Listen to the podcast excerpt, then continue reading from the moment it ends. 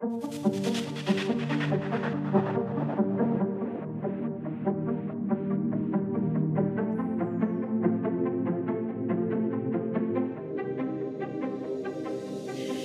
säger jag välkommen till Professorpodden. Här får du chans att möta några av de nyaste professorerna på Högskolan Väst. Jag som leder samtalet heter Anna Hallberg. Dagens gäst eh, ger röst åt människor i utsatthet och då särskilt barn och unga och vill bidra till att organiseringen av stödet runt de här blir så bra som möjligt. Så jag säger välkommen till Annette Bolin, professor i socialt arbete. Hej! Hej Annette! Välkommen! Tack! Roligt att ha dig med. Mm. Eh, jag tänkte först innan vi, du får berätta lite mer eh, detaljerat sådär om, din, om ditt forskningsområde att vi sätter oss in i sammanhanget lite. Det här med socialt arbete, social barnavård och det här fältet med barn som behöver stöd.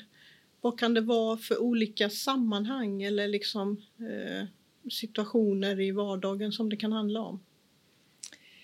Ja, det är ju väldigt brett Mm, kunskapsområde. eh, Men det kan ju handla om barn som växer upp i familjer som är väldigt fattiga. Ja. Och man har inte pengar till eh, mat och kläder. Eh, Det kan handla om barn som växer upp i familjer som, där föräldrarna inte har kapacitet att, att ta hand om dem ordentligt. De kan fara illa, de kan bli misshandlade och de kan bli utsatta för olika övergrepp. Eh, Det kan också handla om barn som behöver stöd i skolsituationen i förhållande till hur mer sociala aspekter då, i förhållande till vad man har för kapaciteter och vad skolan har för kapaciteter Mm. ge stöd. Så, Så det är många olika yrkesgrupper egentligen som har beröring med det här fältet också då kan man säga? Ja, absolut. Mm. Det behöver inte vara riktat enbart till socialarbetare utan det kan vara skolsköterskor, det kan vara eh, barna, eh, alltså barnsköterskor på, inom hälso och sjukvården och så också. Mm. Så, sen är jag ju intresserad även av vuxna människor också som behöver stöd men mitt exempel har ju varit då framförallt barnen. Då, så att säga. Mm. Mm. Ja, men då är vi nog med lite sådär Mm. i vilket område det handlar om. Mm. Som jag försökte ringa in då eh, när jag började så är det dels organiseringen av stödet Mm. Men så är det också hur barn och unga upplever det här stödet kan man Mm. säga som Mm. två spår. Mm. Om vi börjar med det första då, den här organiseringen av stödet. Eh, vad, kan du beskriva det? Vad är det du, vad är det du har liksom, eh, hållit på med inom det? Ja, framförallt så bygger det ju egentligen på hur barnen upplever stödet. Eh, Ja, du kanske vill börja med det Ja, precis. Det kanske Eh, känns mer naturligt. För. Eh, nej, men den forskning som jag har hållit på med den sista, ja, sen 2011 egentligen kan man väl säga, så är det ju att samla på eh, barns uttryckta erfarenheter av att ha fått hjälp av samhället på något sätt, det vill säga av vuxna som får betalt för att hjälpa dem. Eh, och sen systematisera det så att det kan bli en del av eh, källan till kunskap i hur man organiserar stödet. Mm. Så, så um, framförallt har det ju varit um, Alltså det kan ju handla om öppettider. Eh, när, när har man öppet på ungdomsmottagningen till exempel eh, som är ett bra exempel på där man organiserar eh, med hög tillgänglighet för Mm. ungdomar till exempel genom att vara på nätet och, och, eller digitalt tillgängliga men också eh, på chattar och lite olika så. Eh, men det, det, så det handlar om öppettider, det handlar om kontaktuppgifter, liksom hur får man tag på dem. Eh, men det handlar också om, vilket är, tycker jag då är intressant i förhållande till hur, hur mycket barnen också kan få vara med och bestämma i förhållande till vad som ska ske i familjen. Eh, Så jag hade en gång, för att ge ett konkret Mm, mm. exempel, när jag jobbade som socialarbetare som kanske kan förklara lite mitt intresse där jag och en ungdom tillsammans hade pratat om hur skulle man kunna organisera det här stödet som den familjen behövde. Och då kom vi fram till, vi skulle ha ett större möte då föräldrarna var med och det var andra socialarbetare med då, att eh, det bästa vore om man förändrar både att barnen alltid fick bo kvar i, hu i det huset, radhuset de bodde och föräldrarna när de, de hade alkoholproblem, mm, mm. när de var inne i en period av drickande då flyttade de ut till en lägenhet och så kunde barnen bo kvar och så skulle man kunna ha liksom en slags kontaktfamilj men att de hjälpte dem i mm. hemmet då. Ja, ja. Så, och då fick ju barnen, det här var ju en ungdom som kom fram till det här, då fick ju de leva sitt vardagsliv så att säga och vi, vi la fram det här förslaget och det var ju inte någon som tog det. Nej. Utan då skulle stödet se ut på ett sådant sätt att föräldrarna inte skulle dricka i hemmet. Eh, men den här ungdomen var ju mer realistisk och förstod att det kanske inte skulle vara så verkningsfullt det stödet då så att säga. Så, så lite sådär att, att genom att systematisera många sådana här erfarenheter så kanske vi ändå kan tänka om lite i mm. förhållande till vad som kan bli, vad jag säger, ett effektivt stöd också för att har man med sig eh, både barn och unga i det här fallet och gäller det vuxna så, så blir ju stödet bättre och, och då blir det effektivare mm. så att mm. säga. Är det så. ofta så i dina projekt att du liksom studerar båda sakerna då egentligen? Ja, jag, Både jag, barn, barnens liksom upplevelse av det och hur det faktiskt fungerar och vad det kan, hur man kan påverka det. Ja, Eller är det olika alltså, spår? Det är olika, det är spår, olika spår. Eh, för jag mm. lärde mig kanske den hårda vägen. Att om du gör en design där du både vill ha barnens mm. röst och mm. systematis erfarenheter snarare och systematisera dem. Och det är så, inte så lätt att få tag på barn, uh, unga, så att säga, barn och unga. Uh, då, och du har med professionens erfarenheter och eventuellt föräldrarnas erfarenhet i samma projekt. Då tappar man barnen. Okay. För det är mycket lättare som forskare att få tag på vuxna att prata med än vad det är att vuxna ska ge tillåtelse att barnen är med och pratar. Mm. Så mitt första projekt som jag gjorde det här på eh, då tog det mig ja, nästan ett halvår innan jag fick tag på barn och då ville jag prata med barn som blir samarbetade om. Det hette När många vill hjälpa till. Och då handlar det om barns upplevelse av vad de professionella gjorde i förhållande till att ge hjälp. Då. Mm. Eh, och, då behövde jag föräldrarnas godkännande och jag behövde också få tag på barnen genom socialtjänsten. Eh, och jag fick inte några barn och sen så fick jag formulera det som att att jag måste ju börja forska då om varför alla barn säger nej till att vara med i forskningen. det blev en ny ja, Och då visade det sig att de inte var tillfrågade. Nej, för att eh, alltså vuxna det kan ju bli lite pirrigt också ja, när barnen ska ge någon slags, eh, alltså när man systematiserar mm. barns erfarenhet. Mm. Och, och, och, det var väl en förklaring. Sen fick jag eh, ganska många att prata med. Och, och, och, jag har även gjort det här i förhållande till hur det är när mamma eller pappa eller båda blir arbetslösa. Eh, det var också en utmaning för då vill jag titta på hur samhället organiserar stöd till en familj och indirekt barnen då. Eh, och då skulle jag ju eh, träffa barn och fråga om vad de tyckte om att mamma och pappa inte hade några pengar, deras inkomst mm. och så. Och det var heller inte lätt att få tag på de här Nej. barnen faktiskt. Men när jag väl fick det så, så, så pratar ju alltid barn väldigt mycket. De tycker om att få berätta och ungdomar hur de har det och är väldigt, skulle jag vilja säga, så eh, icke-värderande utan mer eh, ja, så här Rakt ser det ut. Så här ja, är det. Ja, mer. Ja, ja, det tycker jag nog. Ja, ja. Eh, Men det här med att intervjua barn i ett i forskningssammanhang. Ja, jag, Hur är det tycker du? Jag tycker att det är väldigt, väldigt eh, eh, det, det är glädjande. Eh, det ger mig någonting också som människa att se fenomen och världen genom erfarenheter av unga människor och, och barns människor också. Vad skiljer sig tycker du? Du sa att de är mera, inte värderar på samma sätt till exempel. Är det något annat tycker du som skiljer sig? Ja, jag har ju intervjuat vuxna också i ja, olika projekt. Jag har intervjuat, eh, observerat och intervjuat professionella också. Och då, alltså jag skulle nog säga att den stora skillnaden är att de vuxna, inte gnälligare, men de, de, de, man har en mer, vad ska jag säga, man fokuserar gärna på det som är bristfälligt. Medan barn bara mer konstaterar att, att, att så här är det och kanske har en mycket, mycket alltså, tolerans. Ett lite överseende med att, att saker och ting kan bli som de blir så att mm. säga. Mm. Eh, så på så sätt. Men samtidigt också just det här att det är ögonöppnare för mig ibland hur man kan förstå, förstå olika saker så annorlunda. Mm. Eh, och, Har du något exempel?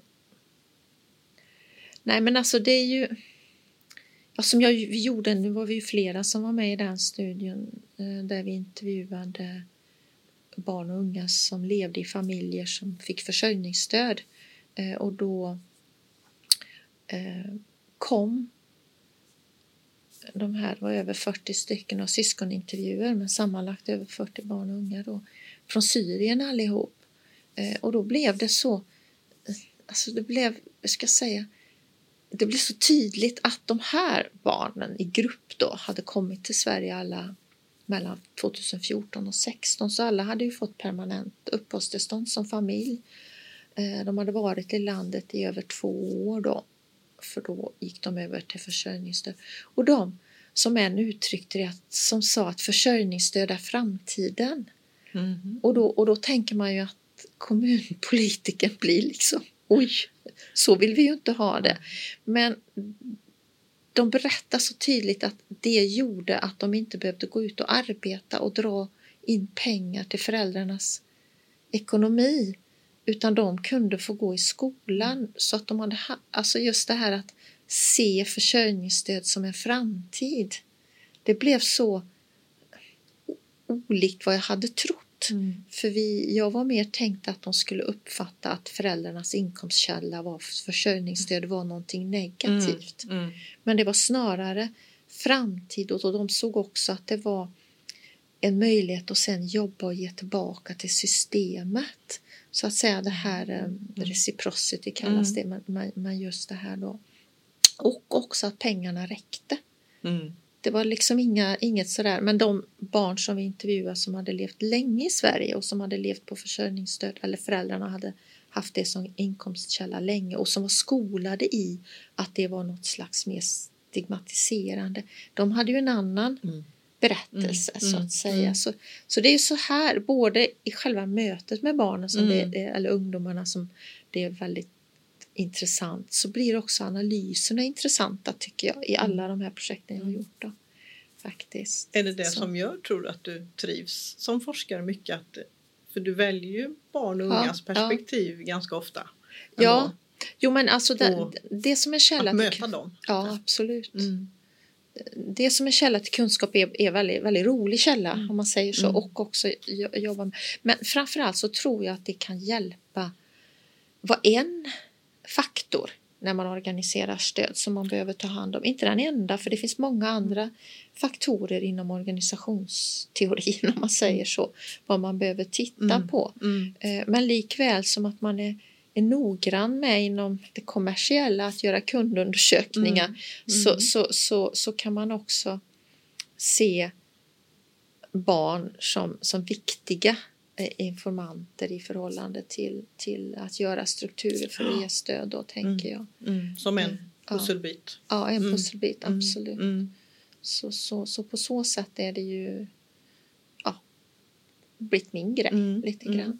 Eh. Du har ju själv yrkeserfarenhet inom Ja, jag har ju jobbat, ja, ja. jobbat i många år. Om du backar där, vad fick dig till det från början tror du?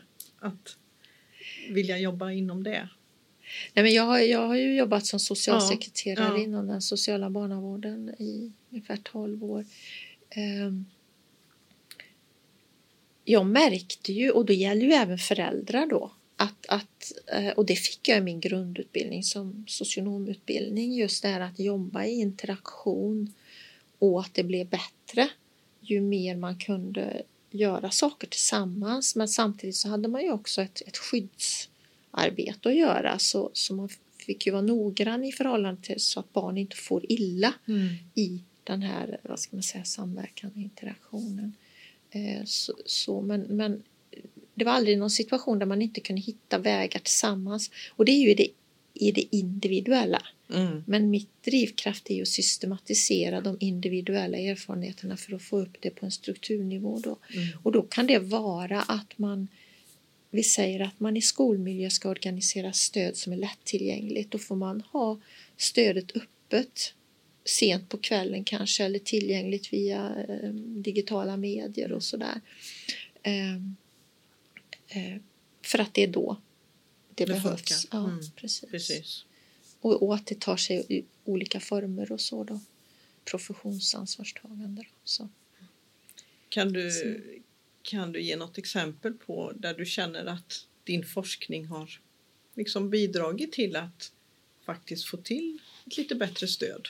jag är ju ute och, har träffat mycket yrkesgrupper och pratat ja, så här. Ja. Och jag skulle säga att det här sättet att jobba det är alla som jag träffar som är yrkesverksamma inom det sociala arbetet eller inom skola eller hälso och sjukvården som har direktkontakt med barn. De vill jobba så här. Mm.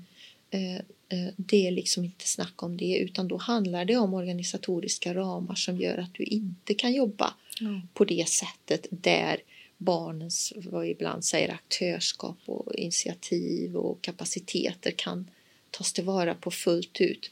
Så min drivkraft är ju att man ska kunna säga till sin chef jag vill att vi ska ha organizing for agency här.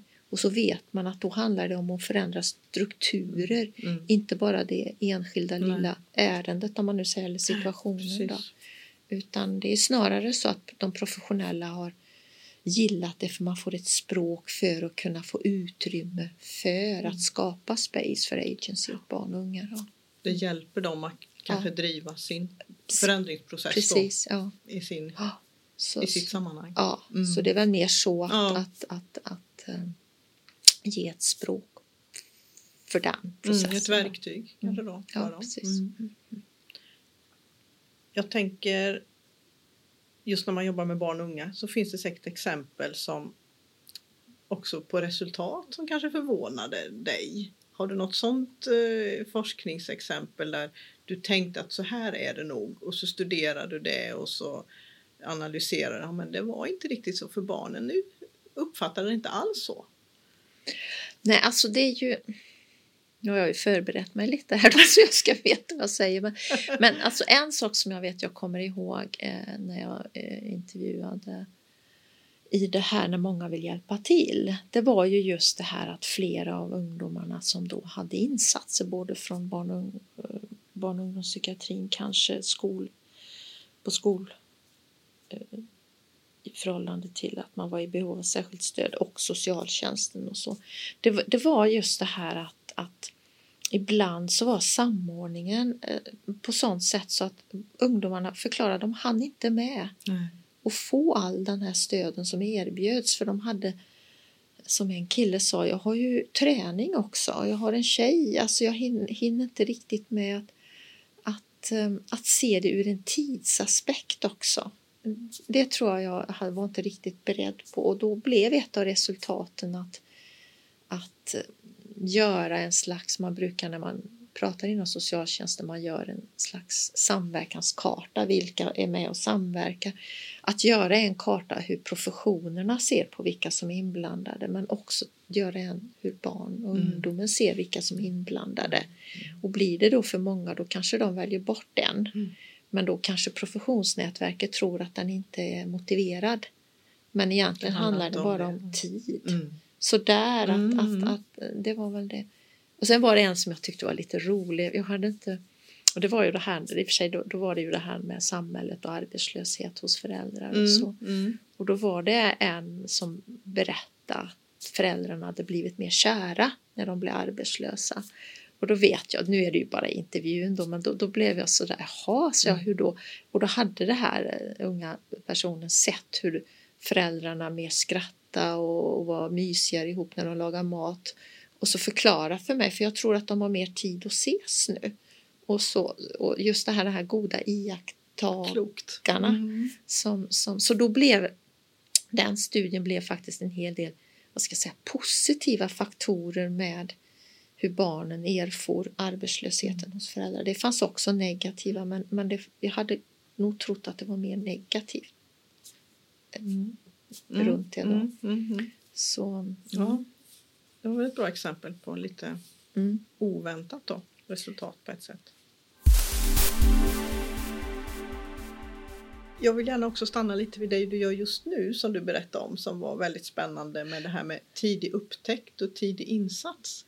Ja, Eh, vi pratar ofta på högskolan att vi ska ha samhällsrelevant forskning och finnas med liksom, i det som händer just nu. Och Mm. det är väl ett exempel på ett sådant projekt som eh, många kan vara intresserade av. Kan du inte berätta lite? Vad handlar det om?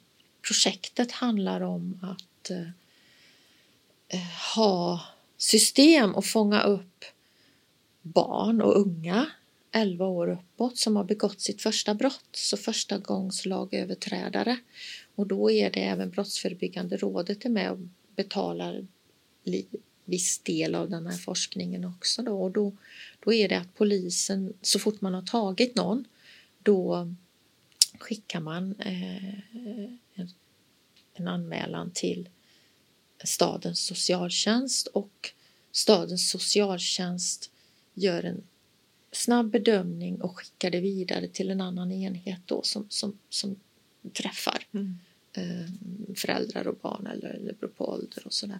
Och det här är oerhört snabbt. Det kan ske inom typ två, tre dagar Ja, jämfört med förut och det har kunnat ta två månader. okej. Så det är just den här Mm. tidig upptäckt. Men att man också direkt erbjuder tidig insats. Så då får man och då finns det olika spår där, där um, den unge träffar socialarbetare på lite olika sätt och så då. Och då är min uppgift som har varit väldigt trivsam, som jag gillar, och det är att intervjua eh, de här eh, ungdomarna direkt efter eller under tiden och då gör jag det via Facetime. Mm. Och det har varit eh, nu under corona då så har ju det också visat sig vara en väldigt bra metod. Så jag har kunnat liksom intervjua någon som står där och ute och går med hunden eller står och sminkar sig eller liksom och så har vi och så pratar jag med dem flera flera gånger så det är inte liksom och så intervjuar, lyssnar smsar kan vi ses igen, Mm, intervjuar mm. och så lyssnar jag igenom så det blir väldigt metodiskt fördjupat eh, De reflekterar då över... Ja, och jag, jag, hinner, jag Ja. hinner systematisera vad Mm, de har sagt mm. så att frågorna blir mer meningsfulla och då får du rikare berättelser. Mm. Och så är ju syftet sen då att kunna, vad säger man, sammanföra och se hur har ungdomarna uppfattat flödet mellan logistiken mellan polis, socialtjänst och de som är, är förebyggande enheten då. Mm. Min uppgift är att säga något om det här men från ungdomarnas, håll. erfarenheter. Mm. Och, ja. Mm, mm, mm. och det är, ju, det är ju bra forskning just nu för det är verkligen på tapeten hur man kan Ja. Eh, Så vi har ett, en, troligtvis att vi kommer gå in med ett projekt till då där de också ska fortsätta med det här. Men vi får se lite hur det blir. Jag tror att vi får faktiskt avrunda där. Mm. Eh, så jag tycker vi har fått en jättebra bild av vad du håller på med Anette. Spännande och lycka till fortsättningsvis. Mm. Tackar jag för att du medverkar. Ja, tack så mycket. Och tackar er som lyssnat. Mm. Och tack till Mikael Wåleman för tekniken också. Säger vi hej då. Ja, tack. Hej då. Hej.